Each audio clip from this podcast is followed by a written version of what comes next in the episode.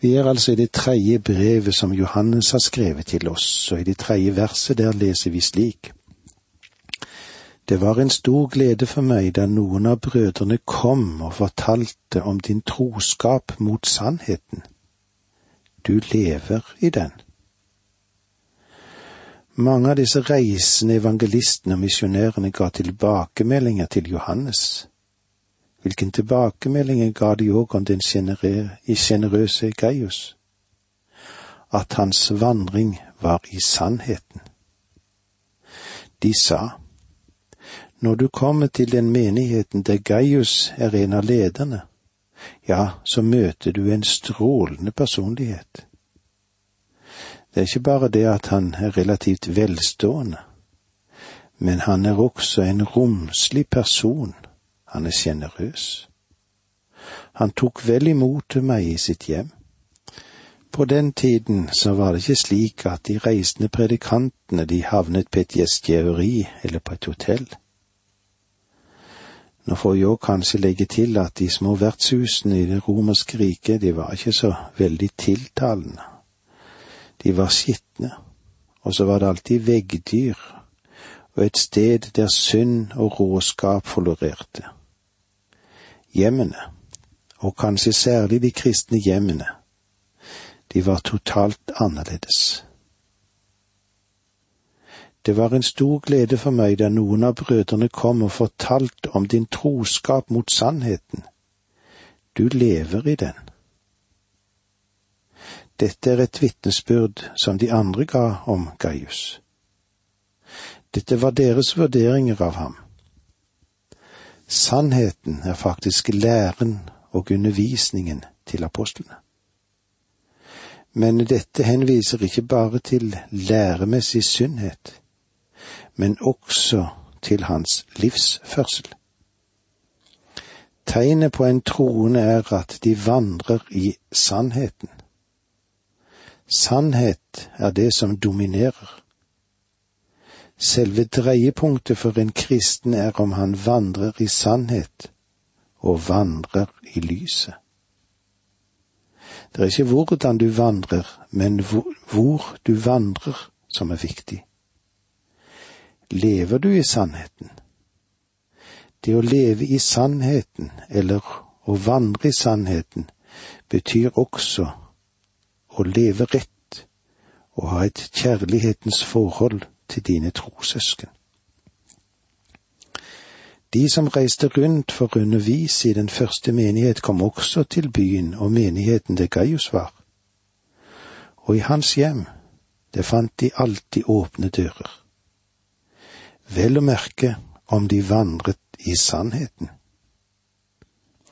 Gaius, var med han? Jo, han hadde en åndelig utskillingsevne, han.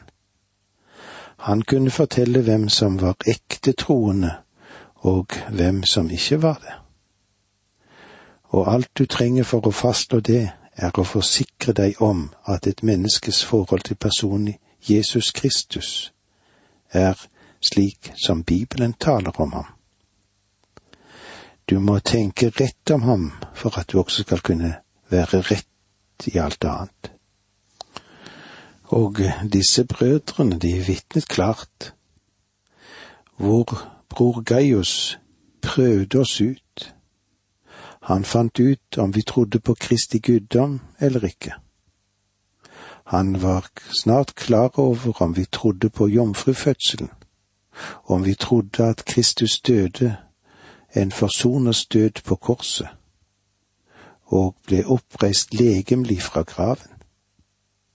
Da han fant ut at vi trodde disse ting, så åpnet han sitt hjem for oss og tok imot oss. Og vi fikk personlig erfare at han virkelig har kjærlighet til brødrene. Hans hjerte var åpent for oss, og han favnet oss. Hvilket vidunderlig vitnesbyrd denne Gaius hadde i store deler av den kristne verden. Vers fire Ikke noe gleder meg mer enn å høre at mine barn lever i sannheten. Dette er en stor trøst. Dette er en vidunderlig oppmuntring. ikke noe gleder meg mer enn å høre at mine barn lever i sannheten. Johannes har vært leder for menigheten i Efesus, og han har ført mange til Herren. Og det er en stor glede for ham nå når han har blitt gammel, å høre at de han fikk lov til å lede til Kristus, og som nå er spredt utover hele Asia, fremdeles vandrer i sannheten. Og her møter vi igjen dette å leve i sannhet, som betyr å leve i rett lære og i kjærlighet for medkristne. Og hans barn vitnet i lære og i liv om dette. Det er en stor glede for meg nå å få brev fra mennesker som jeg har hatt en glede å føre til Herren gjennom mange år i tjenesten. Det å få vite at de fremdeles er med i kristenflokken, og at deres åndelige vekst har vært synd, og at den viser seg i det livet som de har. Det er ikke noe som kan sammenlignes med den gleden. I min tidligere tid hvor jeg fikk lov til å virke i Radiomisjonen og fikk meldinger om at mennesker var blitt frelst, og at de har fått lov til å vokse i nåde og sannhet, er stort, og det gir mitt hjerte glede, det. Johannes sier, ikke noe gleder meg mer enn å høre at mine barn lever i sannheten. Er ikke dette vidunderlig? En kan ikke noe annet enn glede seg over det. Spesielt når en er kommet så langt at solen er i ferd med å gå ned over livet, og du vet at den tid som du har foran deg, den er kortere enn det som ligger bak deg og det å få en følelse av at kanskje jeg har betydd noe for noen, kommer særlig enn til hjelp når det har noe med en bibelsubstans å gjøre, og det fryder mitt hjerte. Må Herren òg hjelpe dem som vandrer ydmykt med sin Gud og gir Jesus ære gjennom sitt liv. Johannes, han frydet seg over det vitnesbyrdet som Gaius får det som hans kristne brødre kommer og forteller ham, de som vitnet om sannhet. Uttrykket kan gå på Gaius personlig oppriktighet, men det har nok også å gjøre med det som er hans faste kristne tro. Det er viktig å ha et godt forhold til Jesus. Større glede har jeg ikke enn dette at når jeg hører mine barn vandrer i sannheten. Med andre ord, han står fast og lever i sannheten.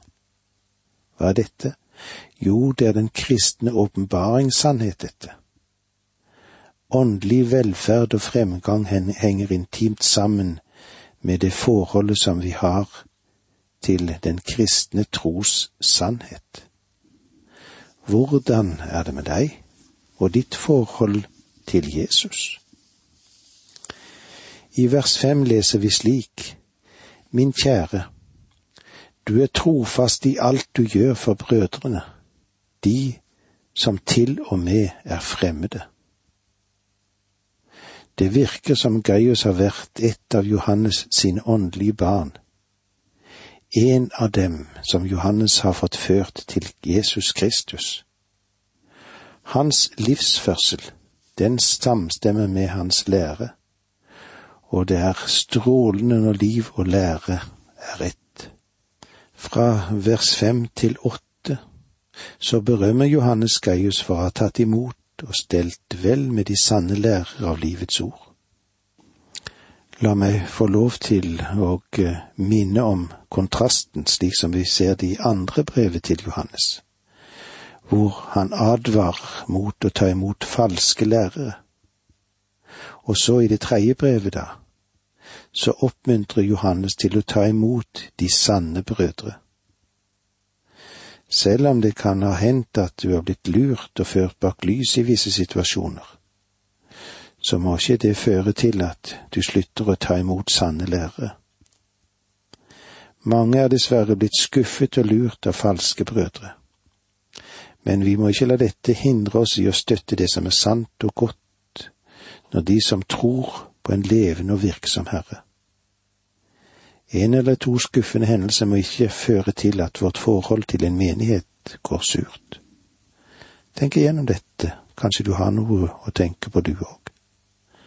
Og med disse ordene sier vi takk for nå, må Gud være med deg. Dette undervisningsprogrammet består av to deler. Åge Nevland fortsetter nå med andre del av dagens undervisning. Vi er i det tredje brevet som Johannes har skrevet til oss. Et brev som gir støtte til de som er i Guds tjeneste. Mine kjære, du er trofast i alt du gjør for brødrene, de som til og med er fremmede som det står i det femte verset i tredje brevet til Johannes. Og i det sjette verset leser vi slik, i menigheten her har de vitnet om din kjærlighet. Det vil være godt om du hjelper dem videre på reisen. Dette er rett for Gud. Går vi tilbake og ser litt på Johannes sitt andre brev, hva han forteller der om forførere gått ut i verden. Hvorfor ikke være som Gaius og styrke den åndelige utskillingsevnen? Du skal ikke støtte alt, inkludert en menighet eller et radioarbeid, før du er sikker på at det er Gud som står bak dette. Forviss deg om at det er Guds ord som formidles. Vær sikker på at de elsker det som er av troen. Johannes taler om ting som er svært så praktiske også i dag. Han har å gjøre med en kristen sitt daglige liv å gjøre. Akkurat på det punktet der ballen treffer balltreet. Han oppmuntrer Gaius til å støtte de sanne brødrene i Herren.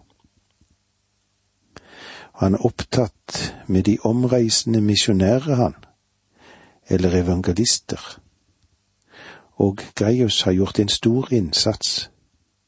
Han har støttet dem på alle vis. Du gjør en trofast gjerning i alt det du gjør for brødrene. Hva er det med Gaius? Jo, Gaius, han hører til de pålitelige. En som de kan regne med. Du gjør det for brødrene, enda de er fremmede. Uttrykket hva som helst vitner om en mangeartet innsats. Her gjelder det evangelisten og misjonærenes beste, og her er Gaius villig til innsats, uansett hva det er. Denne store kjærlighet har misjonærene fortalt om til menigheten der Johannes nå befinner seg. I menigheten her altså i menigheten her, har de vitnet om din kjærlighet. Vitnet om kjærligheten. Han viser omsorg. Disse brødrene vendte tilbake fra en reise til den menighet der som Johannes var. Og jeg har en følelse av at når de kommer sammen for å tilbe, så kunne Johannes si, Vel, jeg ser, broder, så og så han har vært på en evangelisasjonsreise. Det hadde vært kjekt å få noen ord med ham. Vi vil gjerne høre litt om hvordan Herren har ledet ham, og hvordan Herren har velsignet hans gjerning. Og denne broderen reiste seg og ga sin rapport, og så kunne han si. Da jeg kom til dette stedet, så var det en bror der, og hans navn var Gaius og han var en av de Guds utvalgte tjenere. Han åpnet hjemmet sitt for meg. Men det gjør han ikke for alle, for sannelig spurte han en hel del før han slapp meg inn på seg. Han ville være sikker på at jeg forkynte Guds ord. Han ville gjerne vite om jeg trodde Guds ord var sant, og om jeg vandret i kjærlighet. Han testet meg ut, og han fant ut hvem jeg var. Men når jeg da var sluppet inn gjennom nåløyet, ja, så åpnet han sitt hjerte og sitt hjem vidt for meg. Å, vi hadde et vidunderlig fellesskap. Og nå skriver Johannes til Gaius og sier, Når jeg har hørt dette fortalt av flere, og nå vil jeg at du skal vite hvor mye dette fryder mitt hjerte. Det ville være godt om du hjelper dem videre på reisen. Dette er rett for Gud. I sitt andre brev så sier Johannes at om du ønsker de falske lærere vel møtt, så går du i spann med dem, og du er skyldig i deres spredning av ubibelsk lære. Men nå sier han at om du hjelper dem som forkynner Guds ord og vandrer i kjærlighet, så gjør du vel. Dette er faktisk noe du skulle gjøre. Hvorfor? Vers syv. Det var jo for å forkynne navnet de dro ut, og de tar ikke imot noen hjelp fra hedningene. Johannes skriver til Gaius. Disse brødrene dro ut, stolte på Herren, og du åpnet hjemmet ditt for dem. De er ærlige og de er hederlige, og du tok imot dem. Disse menn ofret alt for å dra av gårde og forkynne Herrens budskap. De fikk ikke noe lønn, de fikk ingen godtgjørelse. De dro av gårde og stolte på Herren, og hjem ble åpnet for dem. Noen få steder fikk de en viss støtte, andre steder fikk de ingenting. De tar ikke imot noen hjelp fra hedningene. Dette er ennå en måte å teste på om dette er riktig eller ei. Støtter du noen som bare er religiøs, noen som bare trenger penger, eller er det Herrens gjerning som er avhengig av Herrens folk? Johannes sier at disse sanne vitner ikke vil ta imot noe fra hedningene det vil si fra dem som ikke tror. I dette verset, vers syv, så er det vel den eneste plassen i Bibelen hvor det står slik. Det var jo for å forkynne navnet de dro ut, navnet Jesus. Kan du tenke deg noe herligere oppdrag enn å få lov å forkynne navnet Jesus? Det var derfor de dro ut. Og det er derfor vi er med og forkynner dette budskapet gjennom radio. Vi ønsker at navnet Jesus skal nå inn til hjertene hos de som lytter. Og så står det videre i dette verset, og de tar ikke imot noen hjelp fra hedningene. Slik jeg ser det, skal Guds rikes arbeid ikke støttes på kapital fra dem som ikke har sans for Guds rikes arbeid. Guds gjerning må ikke hemmes ved at vi gjør oss avhengig av mennesker eller organisasjoner som direkte eller indirekte tvinger oss til å tilpasse budskapet for å få tilgang til kapital. Da arken i sin tid ble ført gjennom ørkenen, ble den båret på skuldrene til Israels prester. De kunne ikke engang sette den på en vogn. Gud sa at disse prestene skulle bære den. Og Guds prester i dag er hans troende. Alle troende er en prest.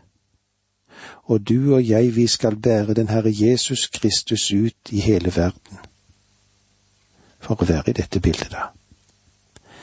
Derfor er det vi som bærer, som har ansvaret. Og om dette er et prinsipp, så skal vi ikke be om unnskyldning for å be troen om å gi, for vi tror at Herrens gjerning skal løftes opp og bæres frem. Den skal bæres gjennom verden, ved ytelse som den troende gir. Vers åtte. Derfor er det vi som må ta oss av dem, så vi kan være medarbeidere for sannheten. Med andre ord, ville du være en medarbeider med disse menn om du åpnet hjemmet ditt for dem, om du støttet dem og hjalp dem på veien? I sitt andre brev så advarer Johannes den utvalgte frue om ikke ta imot forførere i sitt hjem, for om hun gjør det, blir hun delaktig i deres onde gjerninger. Det kunne kanskje føre til at noen ble overforsiktige og dermed også stengte sine hjem for sanne brødre.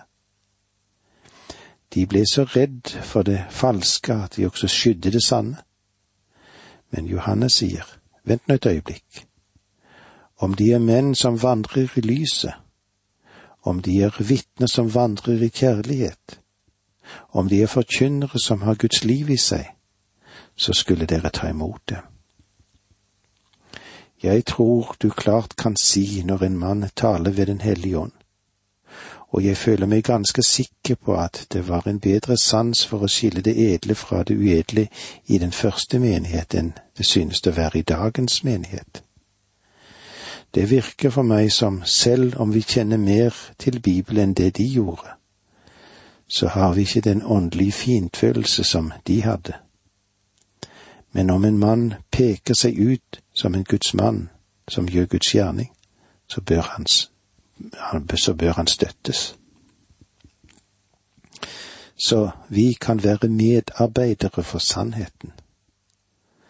Da Gaius hjalp dem på veien, ble han delaktig med dem i å få ut Guds ord.